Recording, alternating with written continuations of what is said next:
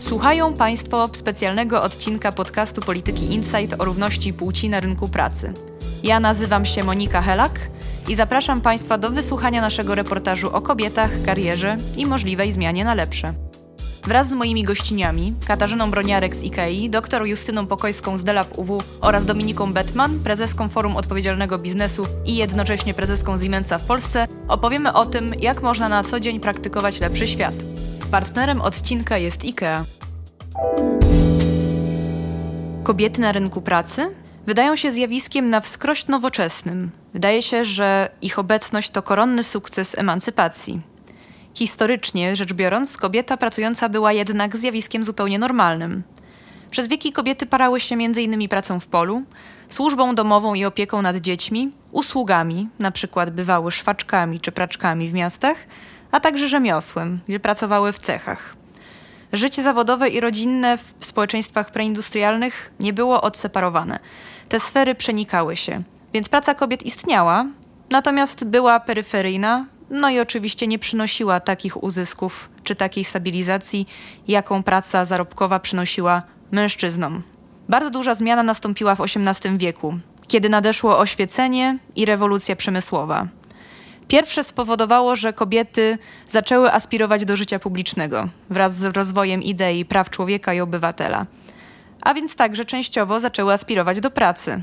Jednocześnie rewolucja przemysłowa spowodowała rozrost zapotrzebowania na siłę roboczą, co też szybko zaczęło obejmować kobiety. Jednak jednocześnie w tle społeczeństwa wciąż były konserwatywne i widziały kobiety głównie przy ognisku domowym, w związku z tym szybko pojawiły się przepisy, na przykład dotyczące warunków pracy czy wysokości pensji, które wypychały kobiety na margines. W tamtym czasie powstały też pierwsze regulacje dotyczące chociażby urlopów macierzyńskich. Efekt był taki, że umacniał się podział na sferę publiczną i prywatną.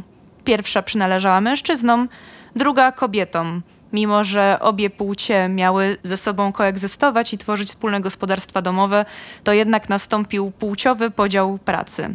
Ta sytuacja utrzymywała się aż do XX wieku, który pod tym względem zaczął trochę fluktuować. Te tendencje do feminizacji rynku pracy raz się wzmacniały, na przykład kiedy panowały warunki wojenne i mężczyźni byli wysyłani na front, jednak kiedy z niego wracali, na przykład właśnie w latach dwudziestych albo późnych latach czterdziestych, znowu kobiety były wypychane z rynku pracy i musiały ustępować mężczyznom. Niemniej pewne aspiracje już zostały rozbudzone i coraz więcej pracownic chciało pozostać na rynku pracy, zwłaszcza, że to dawało jednak samodzielność ekonomiczną i możliwość kształtowania własnego losu. Proces ten przyspieszył w latach 70. wraz z rewolucją kulturową. Widać to w danych. Na przykład w krajach OECD w 1973 roku wskaźnik feminizacji siły roboczej wynosił 48%, natomiast 20 lat później już prawie 62%. Dziś kobiety są częścią rynku pracy, ale niewątpliwie są dyskryminowane. Z jednej strony chcą i muszą aspirować do karier, do zarobków, do ekonomicznej samodzielności. Jesteśmy nauczone, żeby być ambitne i chcieć się rozwijać. Z drugiej nie odpadły nam dawne obowiązki. Wciąż musimy rodzić dzieci czy być strażniczkami ogniska domowego. Żaden z tych obszarów nie ustępuje ważności drugiemu, a jednocześnie każdy z nich ukształtował się w swoistym rozdzieleniu, więc teraz w nowych warunkach bardzo trudno je pogodzić. Kobiety żyją w sprzeczności, o ile oczywiście chcą jednocześnie pracować i mieć dzieci. W związku z tym czyni to kwestię wyboru ścieżki życiowej w przypadku kobiet kwestią problematyczną, jeśli nie wręcz ideologiczną. Współcześnie część kobiet podejmuje wysiłek edukacji i pracy zarobkowej, ale o ile planują zostanie matkami, stale są zagrożone wypadnięciem z rynku pracy. Jednocześnie to, co udaje im się uzyskać, jest gorsze od tego, co uzyskują mężczyźni. Kobiety otrzymują niższe płace za tę samą pracę, borykają się z niemożnością awansu, często w ogóle nie są dopuszczane do rekrutacji na niektóre stanowiska. Ogólnie rzecz biorąc, rzuca im się kłody pod nogi, a oczekuje się takich samych rezultatów. Jednocześnie istnieją, można powiedzieć, makrostrukturalne czynniki, które powodują, że kobiety są mimo wszystko zachęcane do podejmowania prób godzenia tych dwóch sfer.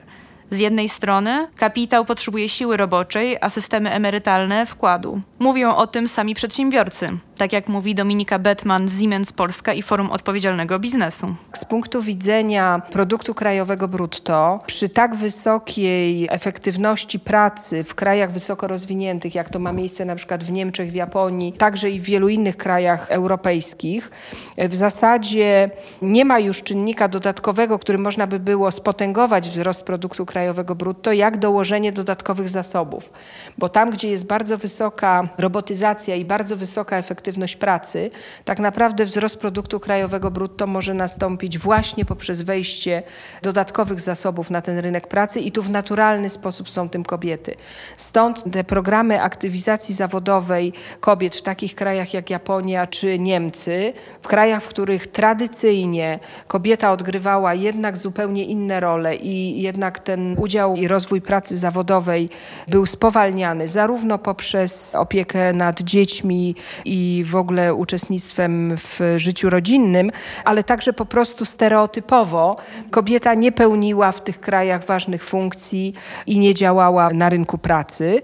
I to się bardzo zmienia i ten potencjał do wykorzystania, on jest ogromny. Podawane są kwoty, o ile byłby wzrost możliwy produktu krajowego brutto i tam mamy mnóstwo analiz na ten temat, to można by oddzielną dyskusję na ten temat poprowadzić. Co by było, gdyby kobiety weszły w ten obszar STEM, tak? czyli dziedziny właśnie te technologiczne, matematyczne. A o ile wzrósłby produkt krajowy brutto Unii Europejskiej, gdyby kobiety zaktywowano zawodowo. To właśnie pokazuje, że po pierwsze ten potencjał jest ogromny, a po drugie, że jest wielkie zainteresowanie jego wykorzystaniem. Jednocześnie, jeśli się temu dobrze przyjrzeć, w zasadzie nie ma się co dziwić kobietom, zwłaszcza tym, które jednak rezygnują z prób podejmowania pracy zarobkowej. Jest dla nich zła. Chociażby Eurostat podaje, że w całej Unii Europejskiej kobiety otrzymują średnio 16% niższe płace. Skorygowana luka płacowa dla Polski według Głównego Urzędu Statystycznego wynosi prawie 20%. To oznacza, że kobiety przeciętnie zarabiają jedną piątą mniej niż mężczyźni. Jest to statystyka, z którą często wiele osób próbowało dyskutować. A to, że kobiety częściej podejmują pracę na część etatu, a to, że są dłużej nieobecne w pracy przez urlopy macierzyńskie, a to, że wreszcie są mniej produktywne, gorzej wykształcone, mniej przygotowane. No ale jednak, jak się okazuje z badań Instytutu Badań Strukturalnych, które przedstawiły skorygowaną lukę płacową uwzględniającą i kwalifikacje, i czas pracy, to także w obrębie tych samych grup zawodowych kobiety mają gorzej. Informatyczki zarabiają gorzej niż informatycy, lekarki zarabiają gorzej niż lekarze, sprzątaczki zarabiają gorzej niż sprzątacze. Sytuacja jest nawet jeszcze gorsza. Okazuje się bowiem, że jak przyjrzeć się biegowi życia poszczególnych pracownic i pracowników, mogą oni zyskiwać bądź tracić na tym, że mają dzieci. jak się okazuje, jeśli pracownik zostanie w pewnym momencie życia ojcem, jego przeciętne zarobki się nie zmieniają. Jednocześnie, jeśli pracownica zdecyduje się zostać matką, jej pensja gwałtownie spada. A kiedy urodzi drugie dziecko, praktycznie nie ma szansy wbić się z powrotem na poziom sprzed pierwszej ciąży. Zjawisko to badacze nazywają motherhood penalty, czyli karą za macierzyństwo. Trudno o bardziej dobitny przykład tego, że praca kobietom nie popłaca. Istnieją też inne zjawiska, które są dobrze opisane w literaturze. Na przykład szklany sufit, czyli niemożność dokonania awansu w pewnym momencie kariery przez kobiety, który to sufit z kolei nie ogranicza mężczyzn w żaden sposób, a także dyskryminacja przy rekrutacji. Tutaj przywołać można słynny eksperyment Stanforda, który obrazował, że CV podpisane przez kobietę ma mniejszą szansę zostać wybrane przez pracodawcę niż CV podpisane przez mężczyznę. O tym więcej opowie Justyna Pokojska z Delap UW. Rekrutacja na stanowisko. Dostajemy dwa CV. Tu dokładnie w tych badaniach to był pan John i to była pani Jennifer. Mieli dokładnie takie samo doświadczenie i opisane takie same przebiegi kariery edukacyjnej i pani Jennifer dostała pracę tylko chyba w 5%. W 95% zatrudniony został mężczyzna, pan John. Tytuł badania, bo to był paper opublikowany, był profesor John and M.A. Jennifer. Tak? Znaczy to samo doświadczenie z twarzą kobiety oznacza, że jest ona pretendentką do stanowiska asystentki. A mężczyzna aplikując o pracę już od razu wiadomo, że będzie lepiej traktowany, co jest krzywdzące na starcie. Czy to znaczy, że nie ma żadnych historii sukcesów, że całe to przedsięwzięcie kobiet na rynku pracy jest skazane na porażkę? Oczywiście nie. Możemy wyróżnić takie historie kobiet, które dotarły bardzo wysoko. Jednak, jak wynika z badań przeprowadzonych bezpośrednio z samymi zainteresowanymi, często te historie sukcesu są bardzo zaprawione goryczą. Kobiety, które awansowały czy przebiły się na wysokie szczeble, musiały rezygnować z bardzo wielu kwestii z życia prywatnego, czasami z posiadania dziecka. W każdym razie dokonywać pewnych wyrzeczeń, które były obce jej kolegom. Nie jest jednoznaczna rola i pozycja kobiet w tym świecie, bo z jednej strony można sobie wyobrazić taką sytuację, że ta kobieta, jak już dojdzie na szczyt, to tam osiąga absolutne sukcesy, jest najszczęśliwsza, udowodniła, że jej się udało, że ma takie samo zaparcie, że może tam dotrzeć, ale nasze badania mówiły, że na szczycie po prostu są same i że one wcale nie chcą dojść na sam szczyt, bo nawet patrząc tak prozaicznie, wyobrażamy sobie wyjazd integracyjny, nie wiem, 15 prezesów spółek gdzieś tam na giełdzie notowanych wysoko. No i ten wyjazd integracyjny ktoś planuje i mamy 14 prezesów i jedną prezeskę. I teraz 14 prezesów udaje się do bani, do, nie wiem, sauny fińskiej, prawda? I zostaje jedna kobieta, której trzeba na siłę doszczepić jakieś aktywności, żeby była zadowolona. Nie? Ci idą na survival, a ta jedna idzie na masaż. I jaka to jest integracja? Jakie to jest jakby poczucie bycia częścią? Ona nigdy tam nie jest częścią. Mówiły na przykład, to jest uważam taka kwintesencja postrzegania kobiety w tym świecie. Jak mamy spotkania po godzinach, spotkania w czyichś domach na przykład, przychodzą prezesowie z żonami i jest pani prezes z mężem. No i teraz mamy kółko kobiet w kuchni i ta pani prezes z tymi żonami prezesów, prawda? I mamy kółko prezesów i tamten jeden mąż sobie poradzi tej pani prezes, tak? Czy partner. No ale jest to sytuacja, która pokazuje, że rzeczywiście, no z tej strony patrząc, no ona nie jest prezesem, więc nie spędza czasu z nimi, a z drugiej strony, no też nie jest żoną prezesa i właściwie te opowieści o gotowaniu czy pieczeniu ciast nie są czymś, co ją ciekawie interesuje. To są takie drobiazgi, ale rzeczywiście o tym się zapomina, że to nie dla każdego być może jest jakby szczytem marzeń, żeby dotrzeć na sam czubek i udowodnić całemu światu, no bo rzeczywiście ta droga dla kobiety na sam szczyt jest bardzo wyboista. I tutaj, no myślę, że to nie jest już nic zaskakującego. Rzeczywiście nasze badane zwracały uwagę na to, że kobieta musi udowadniać. I to jest coś, co chyba najbardziej irytuje, szczególnie kobiety kompetentne, wykształcone. Kobiety w Polsce są lepiej wykształcone niż mężczyźni. Więc nie ma się co czarować. No nam się te miejsca po prostu należą w tych samych miejscach proporcjonalnie do mężczyzn. Oczywiście statystycznie rzecz biorąc obserwujemy pewien postęp. Kolejne branże się feminizują, co oznacza, że coraz więcej kobiet po pierwsze może w ogóle podejmować karierę w tych miejscach, a po drugie jest im przynajmniej hipotetycznie coraz łatwiej. Jednak jak się przyjrzymy temu bliżej, okazuje się, że jest to proces, który jest bardzo trudny i bardzo powolny. W zasadzie można powiedzieć, że ze względu na to, jak widzimy, jak przyrasta liczba kobiet w nowoczesnych technologiach, a ona przyrasta o kilka procent w ciągu kilku lat. I to mamy takie, można powiedzieć, dwa kroki do przodu, jeden krok do tyłu. W jednym roku dane pokazują, że w zarządach firm technologicznych liczba kobiet wzrosła, w następnym roku znowu następuje niewielki, ale jednak spadek. Więc żeby ta tendencja mogła być tak naprawdę wzrostowa, to bardzo istotne jest, żeby na dole piramidy, czyli tam, gdzie patrzymy na studentki, absolwentki i te osoby, które wchodzą dopiero na rynek pracy, żeby tam było dużo kobiet. Jak tam ich nie będzie dużo, to trudno sobie wyobrazić, żeby potem na szczycie kariery zawodowej pojawiała się większość kobiet. Jest to po prostu niemożliwe. Stąd tak bardzo pracodawcy no, angażują się w te działania, żeby stworzyć tę bazę kobiet, z których potem część zrobi karierę, a to jest obarczone ryzykiem oczywiście tego, że kobiety pełnią jeszcze inne role, które przynajmniej na jakiś okres w życiu wyrywają je z pracy zawodowej, ale także z tym, że kobiety niejednokrotnie myślą o sobie w taki sposób, że uważają, że nie spełnią wymagań że nie zrealizują się, nie mają odwagi. Wniosek jest prosty. Jeśli rzeczywiście chcemy, żeby kobiety mogły być obecne na rynku pracy, a jednocześnie chcemy, żeby za ich sprawą działa się reprodukcja i rodziły się kolejne pokolenia, musimy zmienić istniejący stan rzeczy, a rynek pracy uczynić bardziej przyjaznym. Nie zawsze jest tak, że kobiety podejmują tę próbę sił z rynkiem pracy. Niekiedy uciekają od pracy najemnej i zakładają własne firmy. Często robią to po to, by móc zarabiać i prowadzić karierę na własnych warunkach, bo dotychczasową, na przykład pełnioną w korporacjach czy w urzędach, zwyczajnie się zmęczyły. O tym, jak przebiegają takie historie, opowiada dr Justyna Pokojska. 35% naszych badanych było zatrudnionych na cały etat w jakiejś firmie lub instytucji, 33% zatrudnione na kierowniczym stanowisku, czyli już mamy prawie 70%, które pracowały gdzieś na znaczącym lub mniej znaczącym stanowisku i uznały, że mają dość, że to jest ten moment, w którym chciałyby zrobić coś po swojemu, coś dla siebie i coś na siebie. Absolutnie nie jest to marzenie pod tytułem chciałabym być bardziej kreatywna, mam flow i teraz będę go realizować, tylko jest gdzieś moment krytyczny, jakiś punkt zwrotny, który pokazuje kobiecie, że dalej się tak nie da. Często tym punktem zwrotnym jest na przykład zajście w ciążę i być może nierówne traktowanie albo po prostu nieeleganckie potraktowanie przez przełożonego i ona wówczas mówi, dobra, to jest ten czas, kiedy chciałabym zrezygnować z pracy w warunkach czy w miejscu, które mi nie daje bezpieczeństwa, stabilizacji, które mnie wykańcza, które powoduje, że wracam sfrustrowana do domu. Spróbuję coś sama. To nie są firmy zakładane przez młode dziewczyny świeżo po studiach czy świeżo po szkole, tylko to jest kolejny krok w karierze. O pracy mówimy w kontekście macierzyństwa i pracy opiekuńczej, w której mężczyźni się nie udzielają. Co jednak jest zaskakujące, w historiach przytaczanych przez dr Pokojską o przedsiębiorczyniach bardzo istotny jest wątek wsparcia ze strony partnerów, którzy z jednej strony często sami rezygnują z pewnych przywilejów czy pewnych aspektów życia, żeby ich partnerka mogła rozwijać firmę, co jak wiemy jest zajęciem bardzo wymagającym, a jednocześnie sami się inspirują jej historią i na przykład zakładają własne firmy. Dużym wsparciem dla nich jest najbliższa osoba, partner czy partnerka. I to jest coś, co jest ciekawym wnioskiem, bo zazwyczaj wyobrażaliśmy sobie, że ta kobieta, która zakłada własną działalność gospodarczą, robi wszystko jakby wbrew światu i chce udowodnić. Oczywiście ona musi udowadniać, bo to nie jest sprawa prosta i to nie przychodzi jej bez pracy. Natomiast rzeczywiście to wsparcie, które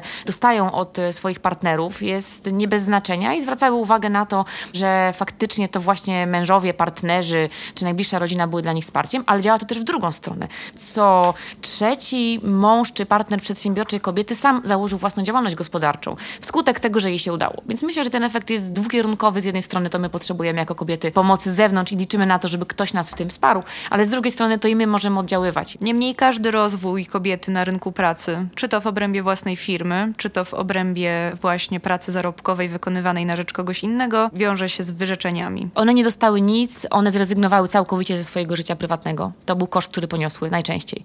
Rodziły dzieci, natomiast nie miały własnego życia żadnego. To znaczy to było łatanie dom, praca, dom, praca bez sekundy dla siebie i opowiadają o tym otwarcie. Nie miały przyjaciół, nie miały znajomych, nie miały nikogo. Poświęciły wszystko dlatego, żeby udało im się pogodzić karierę zawodową z dziećmi czy z posiadaniem rodziny. Często niestety było to też kosztem ich związku, bo mężczyźni jeszcze nie gotowi na to, że kobieta może poświęcić wszystko i postawić na jedną kartę, bo to jest taki model męski, można powiedzieć. Zostawiali je, czy one odchodziły same, więc to był też koszt taki osobisty bardzo wysoki. Dziś niektóre wyglądają jakby trochę żałowały, chociaż oczywiście nie powiedzą otwarcie, bo zarządzają wielkimi spółkami międzynarodowymi, więc na pewno nie żałują, bo z punktu widzenia ekonomicznego prestiżu i wszelkich innych przymiotów no, osiągnęły najwyższy sukces możliwy w Polsce w tym momencie w jakiejś swojej branży, ale widać w nich taki żal do życia, można powiedzieć, bo to jednak było 20 lat ponadludzkiej pracy i odsunięcia siebie na ostatnie miejsce. Nie każdy jest na to gotowy. Wielka samotność to jest chyba to, z czym się wiąże ogromna kariera. Taka naprawdę mówię o karierze spektakularnej, a nie taka kariera pod tytułem, prawda, chcę być kierownikiem w moim dziale, tylko taka rzeczywiście kariera międzynarodowa. I to są, myślę, koszty niebagatelne. No zdrowie wiadomo, ale to w każdym obszarze, gdzie człowiek daje z siebie maksa, to zdrowie jest narażone na szwank. Ale to właśnie jest jakby sukces swoim kosztem, tak? No żeby spełnić oczekiwania rodziny, mam dzieci, żeby spełnić oczekiwania otoczenia, mam męża, ale nie wiadomo, co będzie dalej, ale mam. Natomiast no, nie ma już miejsca nawet w tej dobie na to, żeby być kobietą, być sobą, być szczęśliwym człowiekiem robić coś, co się lubi, mieć oddech, mieć 5 minut dla siebie. I to był ten koszt, który one ponosiły. Mimo wszystko czasy choć zaskakująco powoli, się zmieniają. Przybywa przykładów na to, że kobiety są w stanie przebić się na wysokie stanowiska i może się to dziać w bardziej sprzyjających okolicznościach niż kiedyś. Pozytywnych przykładów dostarczy Kasia Broniarek z IKEA. Wydaje mi się, że to jest właśnie ta otwarta, włączająca kultura pracy, wyzbywanie się tych stereotypów. Ostatnie nasze trzy prezeski IKEA w Polsce to były kobiety, poczynając od Evelyn, e, która przyjechała do nas z Holandii, poprzez Annę Pawlak, która teraz jest prezeską IKEA w Chinach, czyli no, ogromny awans w całej strukturze firmy. Chiny to jest nasz bardzo ważny rynek. Ania pojechała tam z bardzo małym dzieckiem, wszyscy o tym wiedzieli, dla nikogo to nie był problem. Teraz mamy prezeskę Karolinę Garcia z Hiszpanii i wydaje mi się, że tutaj nie ma żadnej niesamowitej tajemnicy. To jest po prostu otwarta, włączająca kultura pracy, gdzie się staramy wyzbywać tych stereotypów i po prostu wspierać najlepszych. Nie możemy jednak dać się zwieść tym historiom sukcesu. Jakkolwiek efektowne i czasami także krzepiące, to jednak dotyczą one kobiet bardzo nielicznych i też kobiet, które były zdecydowane na dosyć wyjątkowe poświęcenia. Nie powinniśmy wymagać tego tylko od jednej płci Być może nie powinniśmy wymagać tego od żadnych pracowników. Niemniej sytuacja jest tutaj nierówna. Dane zresztą też pokazują, że jest problem, bo można powiedzieć, że kobiety głosują nogami. I mamy w związku z tym bardzo niską aktywizację zawodową kobiet, także na tle Unii. 48% kobiet w wieku produkcyjnym jest aktywnych zawodowo.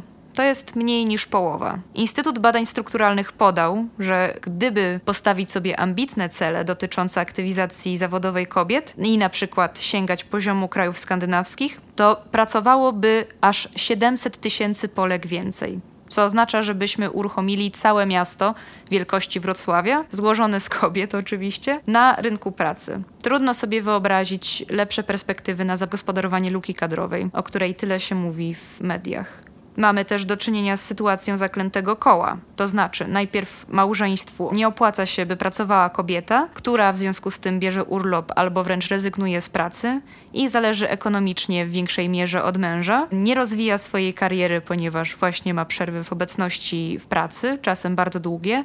Traci na tym zarobkowo, jak już wiemy z kary za macierzyństwo, a koniec końców z biegiem lat, jak ta sytuacja się nawarstwi, jej świadczenie emerytalne jest dużo niższe. Osobnym problemem jest też postrzeganie roli kobiet. Skutek złej sytuacji kobiet na rynku pracy, ale jednocześnie jedna z jego przyczyn. To znaczy kobiety nie są pracownikami, których wyobrażamy sobie w pierwszym rzędzie i dotyczy to zwłaszcza branż na przykład inżynieryjnych. Myślę, że problem polega na tym, że my nie widzimy w pewnych miejscach kobiet. Znaczy nie umiemy sobie tego wyobrazić, bo one tam są. My wiemy, one odnoszą tam sukcesy. Za mało o tym mówimy, za mało to pokazujemy. Te dobre role models to są najczęściej mężczyźni.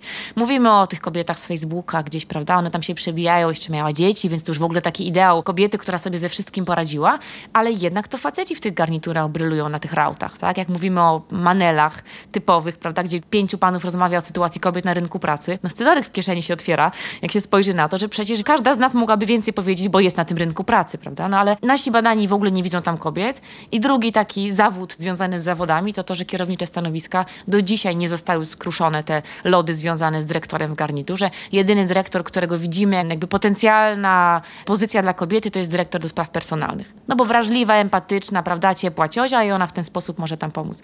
Więc to jest coś, co jest bardzo krzywdzące i myślę, że odtwarzanie takiego obrazu, że panowie dyrektorzy to są panowie dyrektorzy, prawda, że panie no to co najwyżej mogą zarządzać zwolnieniami lekarskimi, naszą nieobecnością, powoduje, że my dalej nie mamy w głowie obrazu tego, że kobieta może tam dotrzeć na szczyt, spełnić się i może osiągnąć sukces tam, gdzie będzie miała tylko na to ochotę. Kontekst społeczny i postrzeganie się jednak szczęśliwie zmienia. Być może możemy gdzieś szukać forpoczty tej zmiany. Może w młodszym pokoleniu, które teoretycznie powinno się liberalizować. Niestety, jak dowodzą badania, jest zupełnie inaczej. Najmłodsi nasi badani do 25 roku życia byli najbardziej stereotypowi w tym widzeniu.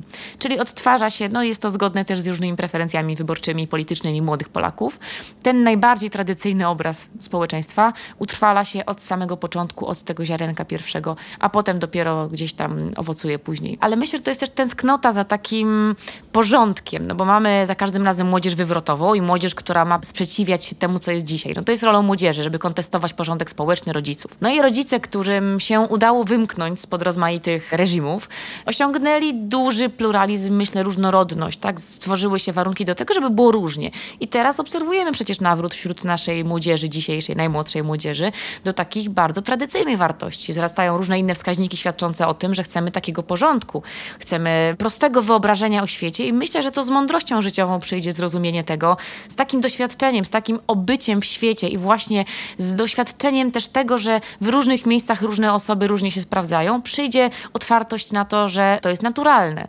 Zaskoczyło mnie tak naprawdę to, że to najmłodsi byli najbardziej stereotypowi, tacy tradycjonalni w tym widzeniu rynku pracy, no bo jeżeli młodzi są tradycjonalni, no to ta zmiana będzie przynajmniej zahamowana, a jeśli nie zatrzymana, czy w ogóle wycofana. Nie umiem powiedzieć, dlaczego tak jest, ponadto, że wydaje mi się, że to jest być może ich bunt wobec takiego świata, w którym mogliby się wychowywać i po prostu kontestacja takiego porządku, tego, co zostało już wywalczone. Z drugiej strony myślę, że w przypadku mężczyzn to może być trochę tłumaczone tym, że był taki cytat, który mówił, że mężczyźni szukają dziś kobiet, których już nie ma, a kobiety szukają mężczyzn, których jeszcze nie ma.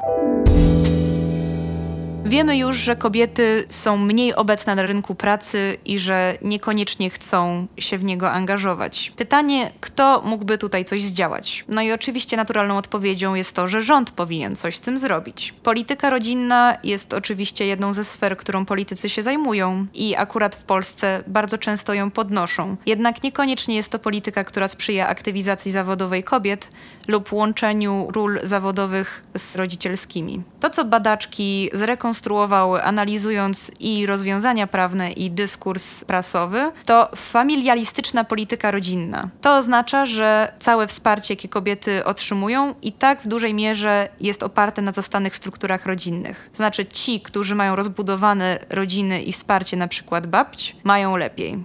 Szczęśliwie istnieją pewne instrumenty wsparcia. Tutaj możemy wymienić przede wszystkim rozwiązania dotyczące urlopu od pracy zarobkowej. Polskie prawo proponuje 20 tygodni płatnego urlopu macierzyńskiego, z czego 6 można podzielić między rodzicami lub oddać całkowicie ojcu. Następnie urlop rodzicielski, który trwa 32 tygodni i daje 60% pensji. Może być trochę więcej, jeśli zostanie połączony w pełni z płatnym urlopem macierzyńskim. No i w praktyce to często kobieta jest rok wyłączona z rynku pracy, żeby zajmować się dzieckiem.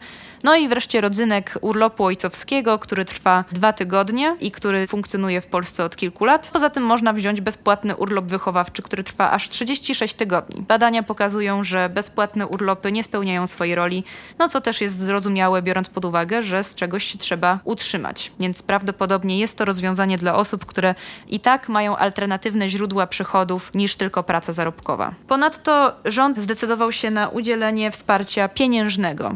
Po pierwsze słynne becikowe, czyli jednorazowa zapomoga z tytułu urodzenia dziecka, 1000 złotych.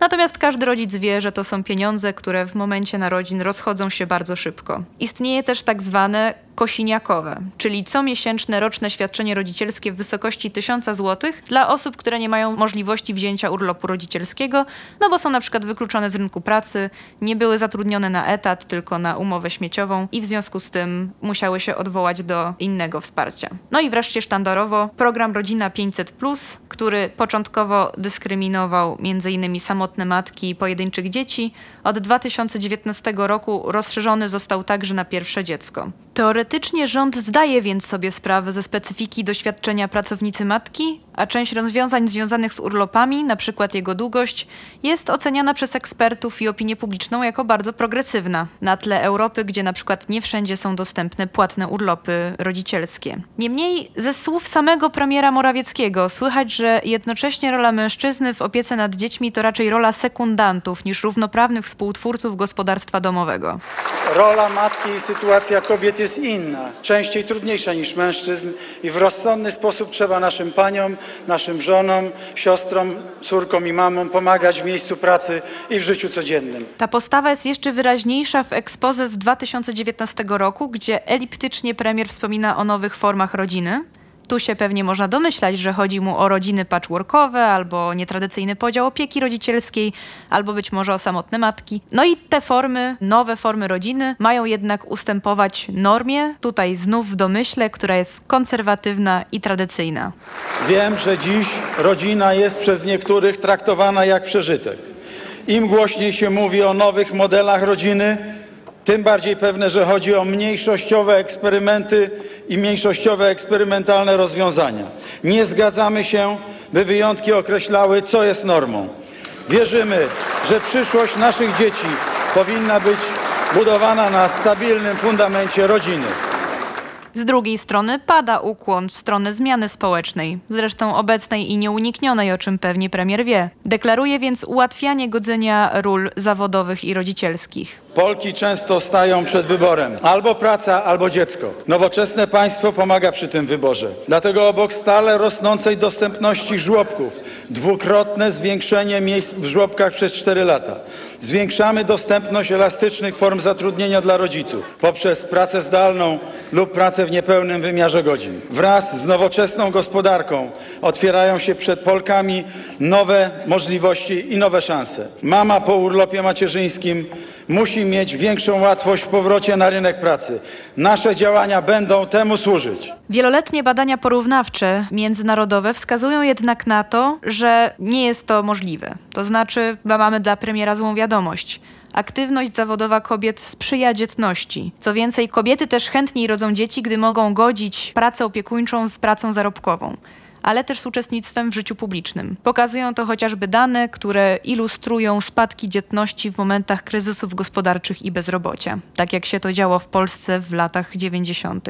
Wniosek jest jasny. Zmienił się model rodziny, niezależnie od życzeń któregokolwiek stronnictwa partyjnego. Jest to pewne. Jeśli chcemy wysokiej dzietności, to musimy wspierać aktywność zawodową kobiet. Jeśli chcemy równego świata, musimy wspierać obecność kobiet w życiu publicznym a to też oznacza możliwość robienia kariery zawodowej. Zamykanie kobiet na siłę w domach będzie miało jasne konsekwencje, do których teraz zdajemy się zmierzać. Będziemy mieli sferę publiczną, gdzie głos kobiet wybrzmiewa słabo i społeczeństwo, które w zasadzie odmawia rodzenia dzieci. Jest część mężczyzn, którzy wspierają kobiety. Są panowie, którzy się cieszą z sukcesu zawodowego żony czy partnerki. Ale jest też część panów, myślę, która po prostu czuje się zagrożona tym, że nie bardzo widzą też miejsce dla siebie teraz i nie bardzo wiedzą, jaką rolę mają tam odgrywać.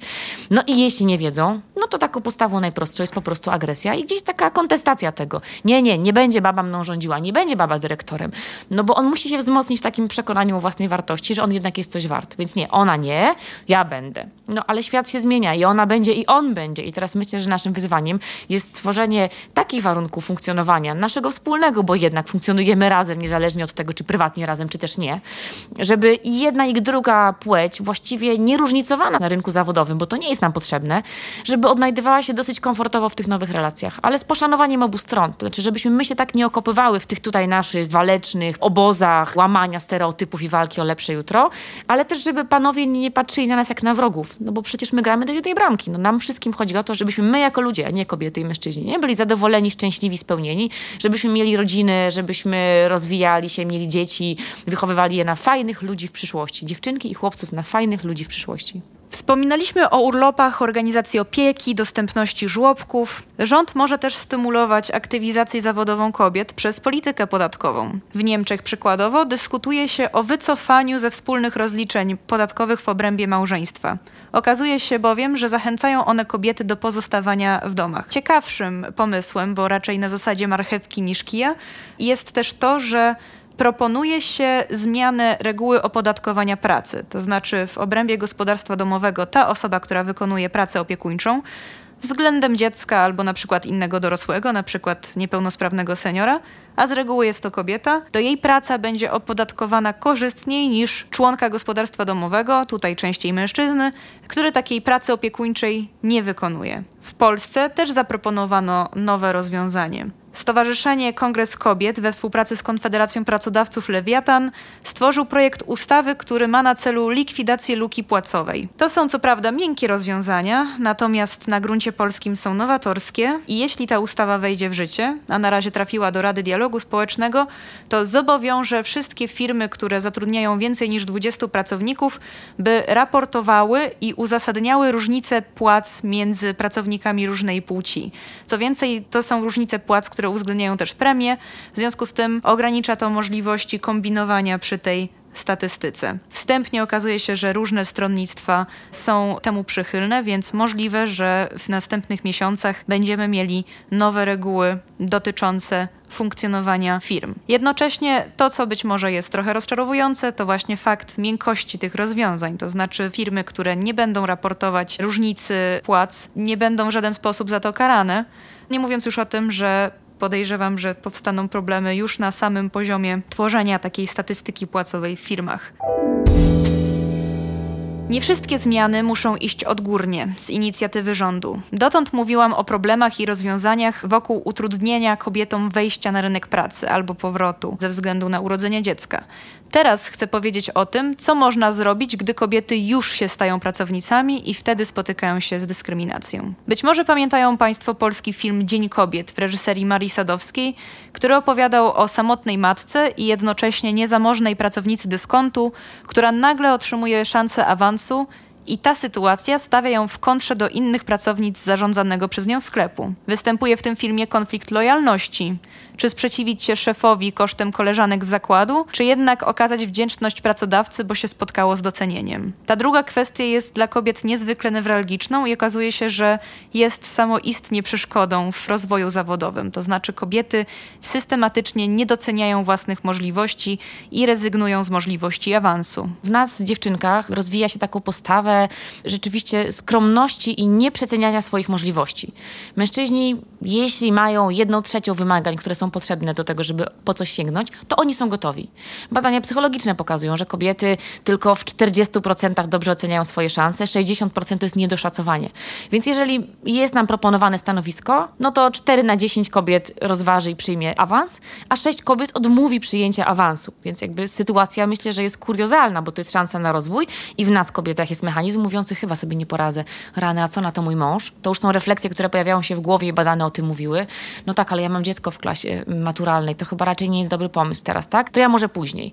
I to jest moment, w którym my kobiety tracimy, bo ta chwila zawahania przeciwnicy czy też konkurenci nie czekają, prawda? Jeżeli druga oferta będzie złożona innej osobie i to będzie mężczyzna, wchodzi jak w dym, nawet jeśli się na tym nie zna i nawet jeśli nie ma doświadczenia w tym obszarze. Skoro już przywołałam Dzień Kobiet, który być może Państwo pamiętają, to kojarzą Państwo, że jest to też film o organizacji pracowniczej. Na świecie pracuje ponad miliard kobiet, z czego część zrzesza się w organizacjach pracowniczych, takich jak właśnie związki zawodowe. W Polsce w tym temacie działa m.in. Ogólnopolskie Porozumienie Związków Zawodowych, które m.in. przeprowadzało badania dotyczące dyskryminacji kobiet w pracach, na przykład w tematach takich jak mobbing czy molestowanie seksualne, a z kolei przy Niezależnym Samorządnym Związku Zawodowym Solidarność istnieje sekcja kobiet, która też zajmuje się problemami związanymi z aktywizacją kobiet czy z dyskryminacją kobiet na rynku pracy. Temat wydaje się szczególnie wdzięczny dla związków, ponieważ akurat Polska jest uzwiązkowiona głównie w sektorze publicznym, który jest jednocześnie, podobnie zresztą jak w wielu innych europejskich krajach, sfeminizowany. Polska ma niskie uzwiązkowienie na poziomie 10%, co oznacza, że nie wszystkie pracownice mogą skorzystać z tej formy działalności. Pytanie, co w tej sytuacji mogą zrobić? A do zrobienia jest dużo. Nie ma się co czarować. Polscy pracodawcy nie mają najlepszej sławy wśród pracowników. Folwarczny styl zarządzania, wysokie wymogi stawiane podwładnym, prawo pracy, które łatwo daje się omijać, brak układów zbiorowych dających korzystne warunki. Pracownice w takich okolicznościach w wielu branżach mają bardzo słabą siłę przebicia. Równość szczęśliwie zaczyna się pracodawcom opłacać, choć niekoniecznie bezpośrednio. Nieraz wiele da się zrobić w tych aspektach działalności firmy, którymi przedsiębiorcy muszą i tak się zajmować na co dzień, niezależnie od tego, czy krąży już nad nimi widmo feminizmu. Pewne rzeczy, na przykład procesy rekrutacyjne, to jest pewien utrwalony proces w firmie i dokonywanie wyboru pracowników i budowanie kryteriów, to jest zaszyte w pewnych procesach i procedurach. I jeżeli tam nie nastąpi zmiana, to powiedzmy opinia kogoś, kto jest decydentem czy współdecydentem, może nie zaważyć na to, aby wspierać te rozwiązania równościowe. Tak? Jak mam do wyboru świetnego eksperta i świetną ekspertkę, dwie osoby, które w takim samym stopniu spełniają wymogi na dane stanowisko, to co ma być tym kryterium, że wybieram kobietę? I dlaczego to robię? Dlatego, że wspieram kobiety, to w tych kategoriach korporacyjnych to nie jest zbyt dobra odpowiedź, tak? Natomiast jeżeli powiem, robię to dlatego, bo zespoły różnorodne osiągają lepszą efektywność, a to uderzam w zupełnie inną argumentację, która dla tych nieprzekonanych zwłaszcza staje się przekonywująca. Także tu chodzi o to, żeby wyprowadzić właśnie tę kwestię różnorodności z tego takiego podejścia, a widzi mi się, albo teraz kobiety, czas kobiet, to oczywiście wszystko jest potrzebne w sferze tych organizacji, które wzmacniają i promują kobiety. Natomiast do biznesu ciągle jeszcze trafiają te argumenty efektywnościowe, skuteczności działania, osiągania celów, realizacji tych celów w budżecie i we właściwym czasie. I wtedy, gdy mówimy, że zespoły różnorodne realizują to, to używamy zupełnie innego argumentu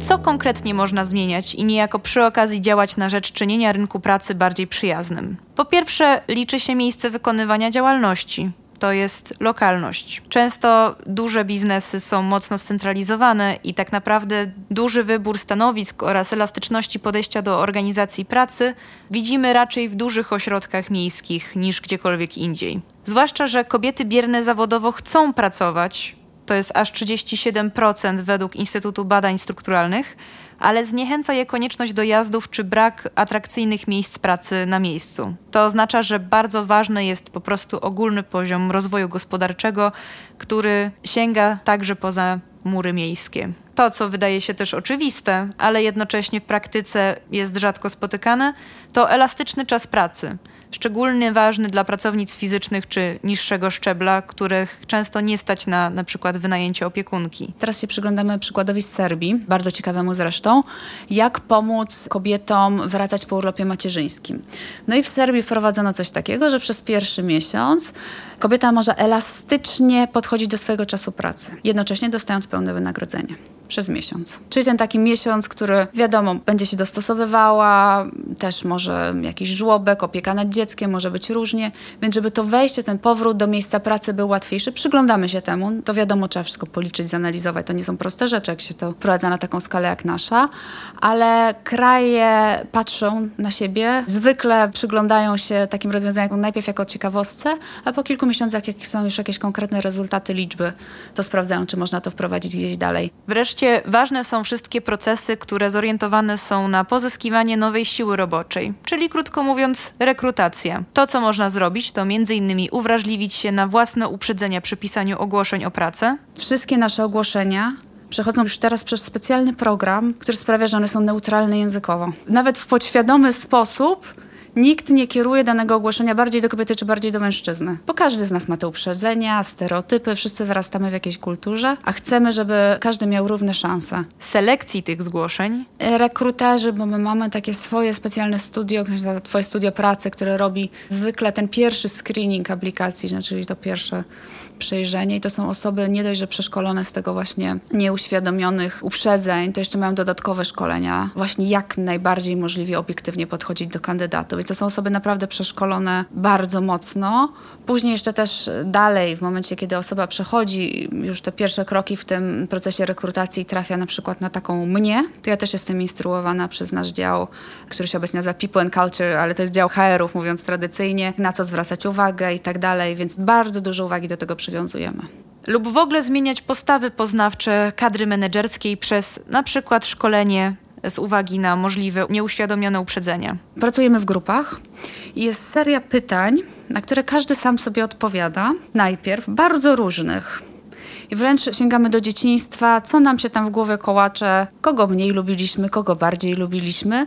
I później jest dyskusja, z której wychodzi, niektórzy się bardzo długo wstydzą powiedzieć, że faktycznie mają jakieś uprzedzenia, ale nawet jeżeli tego nie powiedzą otwarcie, to już coś tam zaczyna w głowie świtać.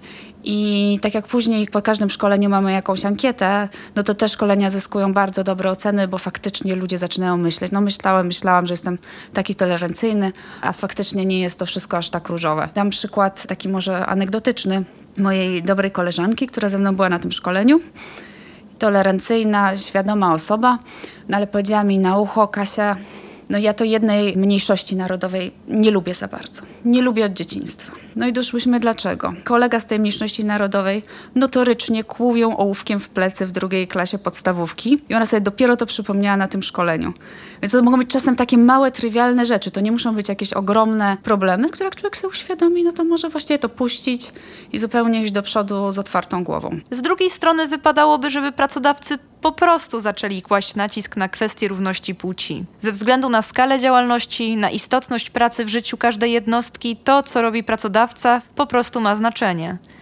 Temat na swoje sztandary wzięło m.in. Forum Odpowiedzialnego Biznesu, które zrzesza przedsiębiorców troszczących się o społeczną odpowiedzialność. Organizacja ta istnieje już 20 lat.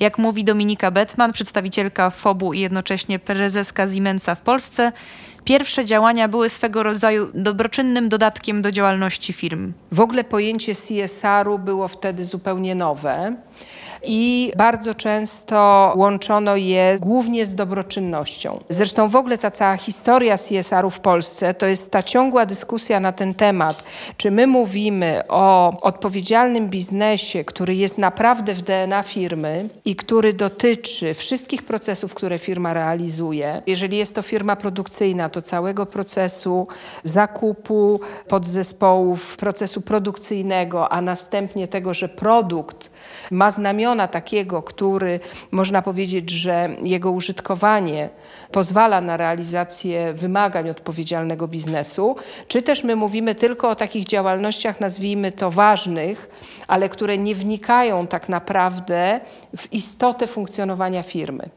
I ja myślę, że te początki, o które pani pyta, to, to był zachwyt pewną ideą, i bardzo często sprowadzenie tych działań wyłącznie do tych działań dobroczynnych, których ja bynajmniej nie krytykuję w żaden sposób. One też są bardzo istotne. Tylko to, co zrobiono w Polsce i był taki okres, kiedy się mówiło, że CSR już się zdewaluował, że CSR umarł.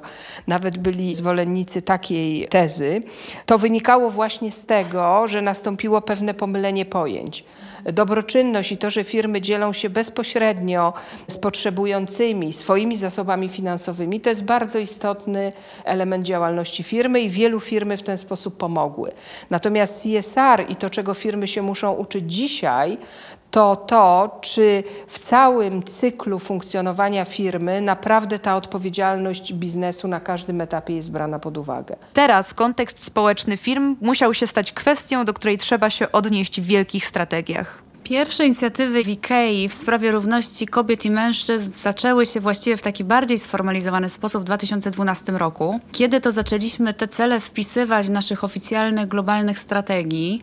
Rok później powstało też taka sieć zwana IWON, IKEA Women Open Network, zrzeszająca osoby z całej organizacji, które chcą zupełnie dobrowolnie zajmować się tym tematem na poszczególnych rynkach. Więc to był taki zupełny początek. Później nastąpiło ustanowienie tych dość ambitnych celi, czyli tego właśnie 50 na 50 na stanowiskach kierowniczych. I co od razu tutaj podkreślę, bo jest dość istotne, nie jest to parytet. I zaraz wyjaśnię, czym się różni podejście parytetu do podejścia naszego, bo my stwierdziliśmy, że pójdziemy jeszcze bardziej ambitnie i będziemy budować kulturę włączającą. W to wchodzi edukacja, podejście do rekrutacji, podejście do szkoleń, do sukcesji itd., tak itd. Tak Czyli nie narzucamy sztywnego parytetu, tylko dążymy do tego celu, przebudowując de facto całą organizację w pewien sposób. Jeśli chodzi o działania strategiczne, FOB z własnej woli zainicjował standard, który nazwany został Kartą Różnorodności. Dotyczy ona m.in. dobrych praktyk w zakresie równości płci. Mamy kartę różnorodności, która jest, można powiedzieć, no, takim sztandarowym przedsięwzięciem Forum Odpowiedzialnego Biznesu. Jestem bardzo dumna z tego, że tutaj najpierw biznes był takim, można powiedzieć, prekursorem właśnie i biznes się podpisywał pod kartą różnorodności, a następnie okazało się, że instytucje publiczne, że samorządy, że uniwersytety, bardzo mocno chcą wesprzeć także tę inicjatywę i podpisują się pod kartą różnorodności. Partnerem karty jest firma Orange, która od lat tę różnorodność głosi i wspiera. W tej chwili mamy około 270 sygnatariuszy karty. Do tego firmy mogą wytwarzać systemy ewaluacji, które mogą być wsparciem we wdrażaniu równościowych rozwiązań. Inna inicjatywa no to Diversity and Inclusion Rating. To jest taka inicjatywa, którą Forum Odpowiedzialnego Biznesu podjęło razem z firmą Deloitte. Jest to takie narzędzie, które zostało stworzone na podstawie doświadczeń i na podstawie tego, jakie metody się stosuje w firmach międzynarodowych do takiego po prostu ratingowania tego, czy firma tworzy kulturę włączającą, czy nie tworzy tej kultury włączającej. To są jednak środki miękkie, wobec których pracodawcy mogą być reaktywni. Ale nawet sięgając do przyszłości Polski, można sobie wyobrazić dużo śmielsze rozwiązania, które wymagają ze strony pracodawców większego zaangażowania, ale ostatecznie mogą się bardzo opłacać. Przykładowo żłobki, czy w ogóle jakąkolwiek opiekę nad dziećmi przy zakładzie pracy. Tutaj przykładów dostarcza akurat uczelnia publiczna. Uniwersytet Warszawski założył żłobek dla pracowników i pracowniczek, i doktorantów i doktorantek uniwersyteckich i mogą chodzić na zajęcia, pracować. Tam jest bardzo mało miejsc niestety ze względu na warunki lokalowe, ale jest to przynajmniej krok w dobrą stronę. To są naprawdę małe rzeczy, które mogą pozwolić zasypać te nierówności w sposób taki chałupniczo oddolny. Opowiadałam też o urlopach rodzicielskich, które są gwarantowane, opłacane przez państwo, ale przecież nic nie stoi na przeszkodzie teraz, żeby firmy oferowały tego typu urlopy dodatkowe w ramach dodatkowego świadczenia pozapłacowego. Wprowadzimy urlop ojcowski, tylko dla ojców. Pełnopłatny miesiąc, który ojciec może wykorzystać w ciągu 18 pierwszych miesięcy życia dziecka. Pełnopłatny, może go połączyć z tymi dwoma tygodniami oferowanymi przez państwo, może podzielić na dwa tygodnie. Jesteśmy tutaj dość elastyczni. Ważne, żeby wykorzystał to ojciec bo z naszych obserwacji, co utrudnia kobietom powrót na rynek pracy czy powrót do nas, do IKEA po urlopie macierzyńskim, no to właśnie to, że wypadają na dłużej, przez to, że jest tak duża nierównowaga w opiece nad dziećmi. No i teraz będziemy bardzo mocno promować urlop ojcowski wewnątrz firmy.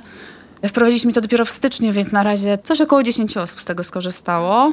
Wreszcie szkolenia, które są dostępne także kobietom przebywającym na urlopach macierzyńskich. Staramy się, żeby ta oferta szkoleń była dostępna dla wszystkich, naprawdę dla wszystkich, do tego stopnia, że będziemy starali się, żeby chętne oczywiście kobiety przebywające na urlopach macierzyńskich też mogły brać w nich udział. No dobrze, wiemy zatem co robić, ale pozostaje pytanie, jak to robić? Przedsiębiorca może powiedzieć: No dobrze, ale mnie na to nie stać, nie mam na to zasobów, nie mam na to pracowników, czasu, nie wiem, jak się za to zabrać. Badania pokazują, że sytuacja się zmienia i tak naprawdę to nie brak środków jest podstawową przeszkodą. Okazuje się, że w poprzednich latach podawano jako taki główny czynnik hamujący ten rozwój aspekty finansowe.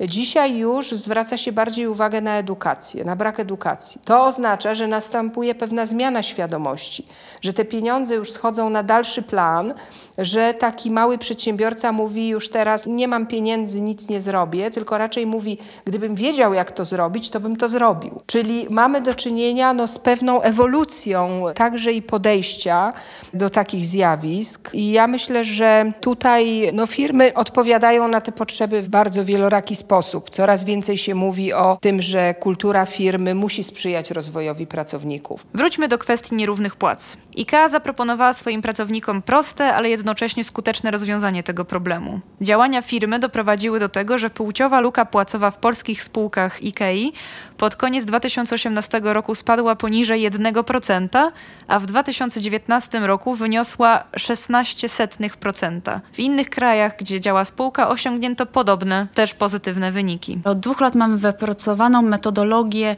badania płac. Robimy to na wszystkich rynkach. Sprawdzamy stanowiska na wszystkich możliwych poziomach, czyli od sklepów poprzez top management i badamy wszystko. Wysokość wynagrodzeń, staż pracy, też mamy oceny roczne, więc to też bierzemy pod uwagę, czyli wyniki, absencje, jak to wpływa, jak nie wpływa i z tego po prostu wyłuskujemy sam ten element płci. I z tego nam wynika ta różnica. I to jesteśmy w stanie badać i monitorować rok do roku. Trzeba było czasu, żeby wypracować to rozwiązanie. To nie jest tak, że ten temat u nas nie istniał wcześniej, ale na poważnie od 2012 roku, a właściwie dopiero od dwóch lat czujemy, że to jest dokładnie ta metodologia, na której chcemy się opierać. To jest metodologia też samoucząca się, czyli z elementami machine learning, więc też pewnie nieprzekładalna w taki super prosty sposób na inną organizację, bo każda organizacja ma swoją specyfikę. Ale też oczywiście zachęcamy inne organizacje do wdrażania podobnych rozwiązań, bo u nas to po prostu działa. Co to daje? Bo wiemy, że to nie jest ćwiczenie, w cudzysłowie ćwiczenie jednorazowe. Trzeba to monitorować co roku.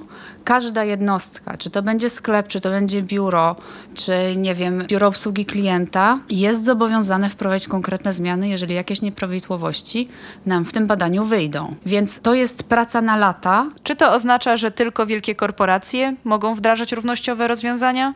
W praktyce coś można zacząć robić także w mniejszych firmach naprawianie tych ewentualnych błędów czy odchyleń schodzi do zespołów. Czyli możemy sobie wyobrazić zespół w sklepie czy w jakiejś innej jednostce, gdzie zauważono, że te różnice w płacach są większe. I to może być zespół 10 osób, 5, 15 i to tak naprawdę jest wtedy praca osoby od HR-ów z tymże menadżerem odpowiadającym za ten zespół. I to nie będzie jakiś niesamowity algorytm. To będzie przeglądanie absencji tej osoby, formularzy ocen jej pracy z ostatnich powiedzmy dwóch lat, dyskusja, dlaczego ta osoba zarabia więcej, dlaczego mniej. Jeżeli wspólnie uznają, że to jest nieuzasadnione, to wprowadzenie planu podwyżek dla tej osoby w danym roku, żeby to zniwelować.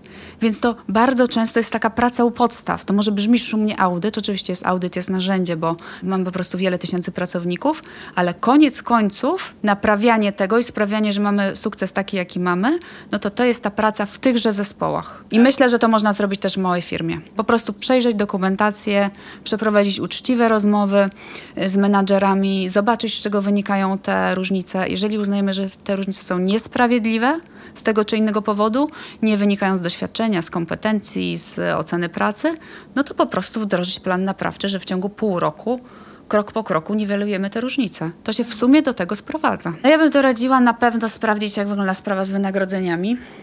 Po prostu sprawdzić, przejrzeć papiery i zrobić taką analizę zupełnie ręczną, bez żadnych drogich algorytmów, analiz i zobaczyć, czy jest dobrze, czy jest źle, a jak jest źle, czy jest bardzo źle i czy można jakoś krok po kroku te problemy niwelować. A druga sprawa, i tutaj posłużę się z kolei też taką anegdotką, rozmową z koleżanką, która bardzo długo była szefową jednego z naszych sklepów zauważyła z własnej praktyki, nie z żadnych szkoleń, że często kobiety same nie ubiegają się o awanse. Mimo, że są świetne, doświadczone i tak dalej, więc czasem po prostu wystarczy się rozejrzeć dookoła i po prostu komuś pomóc, porozmawiać, zapytać się, dlaczego myślisz, że to nie jest stanowisko dla ciebie. A może, bo mam, nie wiem, małe dziecko w domu. A to może umówmy się jakoś na elastyczny czas pracy na, nie wiem, pierwsze trzy miesiące. Więc te rozwiązania myślę są, tylko czasem trzeba no mieć trochę bardziej otwartą głowę i chcieć. Tutaj nie trzeba jakichś wprowadzać niesamowicie skomplikowanych zasad. Co zresztą ważne, niekoniecznie trzeba się skupiać na regulacjach czy bardzo skomplikowanej reorganizacji pracy. Czasami chodzi o odrobinę konsekwencji, dobrej woli i wzajemnego zaufania ze strony pracodawcy i pracownicy. Wystarczy pomocna ręka i zrozumienie ze strony przełożonego. Jeżeli kobieta zachodzi w ciążę, ona nie planuje wypaść na 5 lat najpewniej. Ona być może nawet nie planuje wypaść na 3 lata, a jeśli taką decyzję podejmie, to też jest to jej decyzja. Jeśli się jej pomoże, to ona w ogóle może nie wypaść. Być sobie w kontakcie przecież z firmą, pracować zdalnie troszkę, trochę dobrej woli z obu stron i naprawdę to nie potrzeba wiele, żeby nie było potężnych kryzysów. Do słuchających nas przedsiębiorców i doradców pracujących w biznesie Chciałabym powiedzieć, równość kobiet i mężczyzn na rynku pracy leży też w Waszych rękach. Jeśli sama równość nie jest argumentem takim autotelicznym, to można tutaj przywołać też inne korzyści, jakie czerpią pracodawcy z tego, że wdrażają rozwiązania równościowe. Przede wszystkim globalnie. Jak podaje McKinsey, dzięki zwiększeniu aktywności zawodowej kobiet do 2025 roku skumulowane PKB Polski mogłoby wzrosnąć o dodatkowe 7% czyli 1,3 biliona złotych. Poza tym w mikroperspektywie pracownicy też doceniają takie rozwiązania. Jak mówi Kasia Broniarek, my po prostu chcemy być trochę inną firmą, chcemy być firmą, w której pracownicy chętnie pracują. Te działania równościowe są bardzo dobrze oceniane. My robimy takie badanie wśród pracowników co roku i w ostatnim badaniu to akurat ponad 80% pracowników oceniło bardzo pozytywnie, co jest wydaje mi się świetnym wynikiem. Mówimy o Polsce, bo te dane mamy wszystkie na bieżąco dla Polski. Wydaje mi się, że lojalność pracowników to jest korzyść nie do przecenienia, szczególnie na tak wymagającym rynku pracy, jaki mamy obecnie. I to, że czujemy się oczywiście wszyscy ze sobą lepiej, bo tak jak już wcześniej mówiłam, kierujemy się pewnymi wartościami, wierzymy w to, co robimy, to lojalność pracowników i też to, jak sprawnie działają bardziej różnorodne zespoły, gdzie się wszyscy czują traktowani sprawiedliwie, no to to są rzeczy nie do przecenienia po prostu. Ten argument powinien szczególnie zainteresować branże zagrożone brakami kadrowymi. Wreszcie firmy, które mają zróżnicowane zespoły projektowe, czyli takie, w których pracują i kobiety, i mężczyźni, ludzie różnych narodowości, ludzie o różnych doświadczeniach w różnym wieku, o różnym stopniu sprawności, po prostu osiągają lepsze efekty. To wspieranie kobiet to jest oczywiście budowanie wzorców, to jest dzielenie się swoimi doświadczeniami i mnóstwo kobiet w Polsce to robi. Jest bardzo wiele inicjatyw, gdzie kadry menedżerskie, te kobiece firm dzielą się właśnie tymi swoimi doświadczeniami.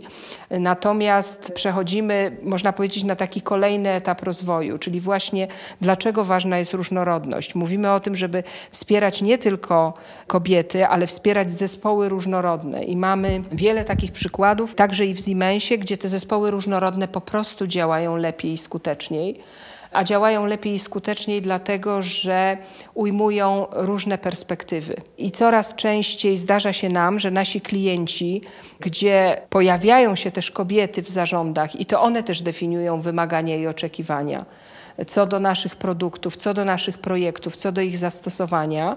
Coraz częściej także jest to oczekiwanie, że po stronie mojej firmy, że w tych zespołach realizacyjnych pojawiają się kobiety.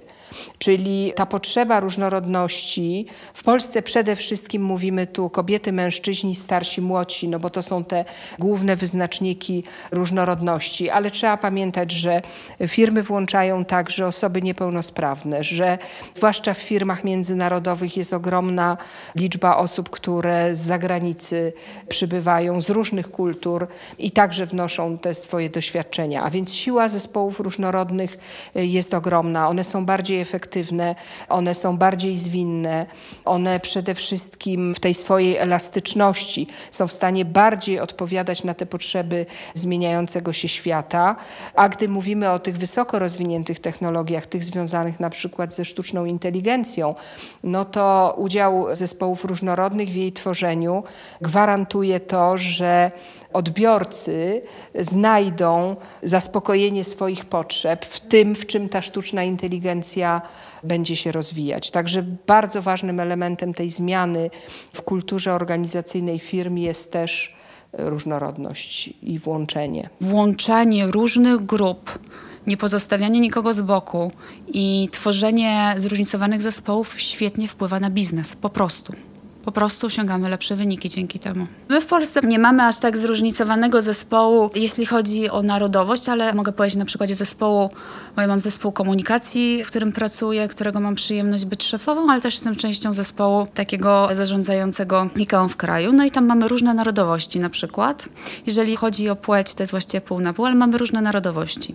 I chociażby różny temperament, różny sposób myślenia, pracy bardzo dużo nam wszystkim daje. Uczymy się od siebie wzajemnie Oczywiście są czasem spore i lekkie spięcia. Śmiejemy się też z tego, bo czasem to są takie zachowania wręcz stereotypowe dla danych narodowości, ale koniec końców wychodzą naprawdę dużo ciekawsze rzeczy, niż gdybyśmy usiedli wszyscy podobni, z podobnym wykształceniem, z podobnym pochodzeniem.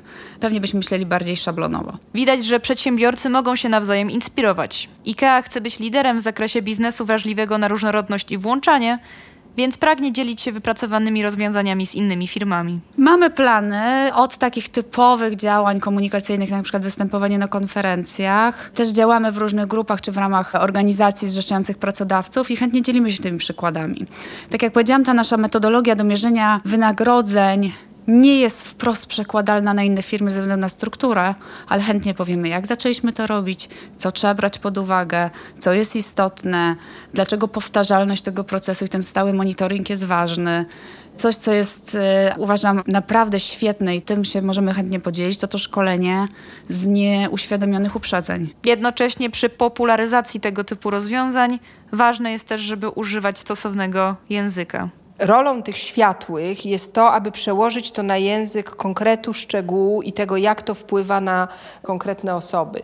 Bo e, z takim e, brakiem zrozumienia, czy z takimi trudnościami, z dotarciem z pewnymi ideami, mamy nie tylko w przypadku zrównoważonego rozwoju. Ja w swojej branży, w firmie mocno technologicznej obserwuję dokładnie takie same zjawisko, jeśli chodzi o nowoczesne technologie, o digitalizację, o zmieniający się świat. I tu nie chodzi o to, żeby żeby kogoś nastraszyć, ale chodzi o to, żeby zbudować te scenariusze. Scenariusz uczestnictwa odpowiedzialnego we wszystkich zmianach społecznych, które się dzieją i pewnego wykluczenia, bo tak naprawdę na jednym biegunie jest to, czy podążamy za trendami, i w tych trendach się utrzymujemy jako pracobiorcy, jako rodzice, jako osoby działające społecznie, czy omijamy to, czy powiedzmy jakoś negujemy zjawiska występujące dookoła i pozostajemy w swoim świecie i uważamy, że nic się nie zmieni. Z mikrodziałań firm rodzą się korzyści, zyski w makroskali. Równość emerytur kobiet i mężczyzn, samodzielność ekonomiczna kobiet, wyższa satysfakcja z życia czy większe szanse życiowe dla dzieci niezależnie od urodzenia. Początkiem każdej zmiany jest jednak roszczenie, i to roszczenie musiałoby się pojawić ze strony kobiet. Nie zawsze to następuje. Czasami otoczenie nie sprzyja jego ekspresji, bo kobiety wciąż są niejako zobowiązane marzyć głównie o spełnieniu rodzicielskim, a jednocześnie praktyka życiowa pokazuje, że możliwości są niewielkie bo na przykład lokalne rynki w pobliżu miejsca zamieszkania pracownic są nierozwinięte i oferują co najwyżej średnio atrakcyjne miejsca pracy. Mam znajomego, który prowadzi agencję pośrednictwa pracy na Podlasiu i na Lubelszczyźnie. To taki specyficzny obszar Polski, bardzo szczególny pod wieloma względami, też ekonomicznie. I on tam szuka pracowników do takich właśnie prac niskopłatnych, takich trochę dorywczych, ale też na dłuższą metę, natomiast takich rzeczywiście nie wymagających wyższych kwalifikacji. I specyfika ta wygląda tak, że próbuje ściągnąć osoby do pracy, proponując im 15 zł za godzinę, 20 zł za godzinę. I tylko kobiety się takiej pracy chcą podjąć. To jest specyfika, ponieważ kobiety, myśląc odpowiedzialnie o swoich obowiązkach, rodzinie, najczęściej, jeżeli kobieta już szuka pracy i jest desperowana, to na tę pracę przyjmie. Natomiast 7 na 10 mężczyzn, których próbuje do takiej pracy zachęcić, oferuje im transport, badania lekarskie, ubezpieczenie, umowa oficjalna, oni po prostu pierwszego dnia nie przychodzą, bo oni mają zasiłki w tym czasie, oni w tym czasie mogą sobie dorobić na czarno gdzieś indziej. Kobieta nie ma takiej możliwości, żeby sobie na czarno dorabiać od ręki, nie pomoże przy pracach ogrodniczych na taką skalę jak mężczyzna, ze względu na siłę fizyczną, ze względu też na przykład na rodzinne obciążenia. Mężczyzna jednak w wielu takich doraźnych robotach może się przydać, więc on oficjalnie nie musi pracować, żeby jakieś tam pieniądze przynosić. Kobiety jednak, żeby móc utrzymać rodzinę, czy jak zostaną same na przykład z dziećmi, są bardziej zdesperowane i właściwie to one podejmują takie najcięższe prace niskopłatne, które gwarantują im po prostu stały przychód. I to jest pewien heroizm, bym powiedziała, kobiet w tych historiach, bo wiadomo, że nie jest im łatwo wstają o 4 rano, jadą na 6 do fabryki pod Piasecznem, pracują tam 12 godzin, czyli do 18 i o 20 są dopiero w domu i rozpoczynają dopiero drugą połowę pracy, tej pracy niewidocznej, domowej. Kobieta wykonuje 22 godziny średnio tygodniowo pracy niezauważalnej, mężczyzna 9 takiej tej domowej pracy. I to jest heroizm, jeżeli ona rzeczywiście się takiej pracy podejmie. Konsekwencją może być drastyczne powściągnięcie ambicji, które nie dotyczy jednak chłopców. Pamiętam szokujące badania, które prowadziłam na Podhalu. One dotyczyły kultury etnicznej i w ogóle nie były związane z rynkiem pracy. To akurat były badania prowadzone w szkole podstawowej z dzieciakami. Kim będziesz w przyszłości? Takie pytanie na rozgrzewkę. Widzę moją siedmiolatkę, której zadaję to pytanie i codziennie mam inną odpowiedź.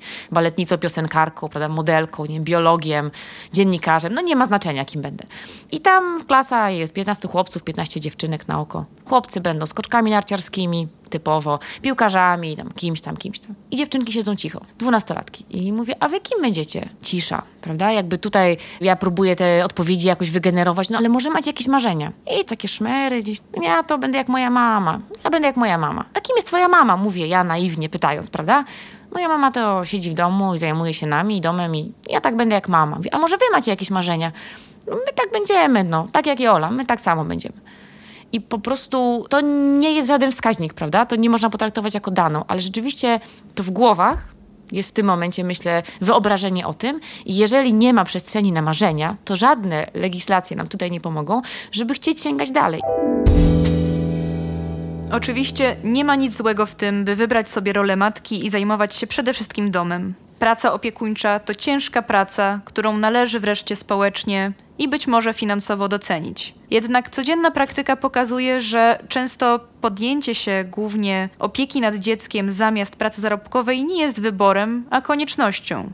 Kobiety rezygnują z zarabiania i z kariery, mimo że mogłyby na tym skorzystać. I jednak tak ścisły podział płci, z jakim długo mieliśmy do czynienia, z tym rozdzieleniem na sferę kobieco-prywatną i publiczno-męską, nie sprzyja po prostu światu równości. Kobiety i mężczyźni powinni dzielić doświadczenia, powinni dzielić doświadczenia pracy i powinni dzielić doświadczenia rodzicielstwa. Ostatecznie życie prywatne też ma znaczenie tak jak przyjęty model rodziny i podział obowiązków opiekuńczych. Oprócz równości zarobków, no to jednak takie zrównanie tych obowiązków opieki nad dziećmi, no bez tego nie będzie prawdziwej równości, bez jednego i drugiego. Więc gdzieś tam krok po kroku staramy się na tyle, na ile możemy jako pracodawca, bo wiadomo, ciężko jest zmieniać nawet największej firmie wpływowej społeczeństwo, społeczne nastroje i tak dalej. Tak jak pracodawcy muszą się nauczyć dostrzegać w swoich pracownicach potencjalne matki, tak samo w pracownikach powinni dostrzegać potencjalnych ojców.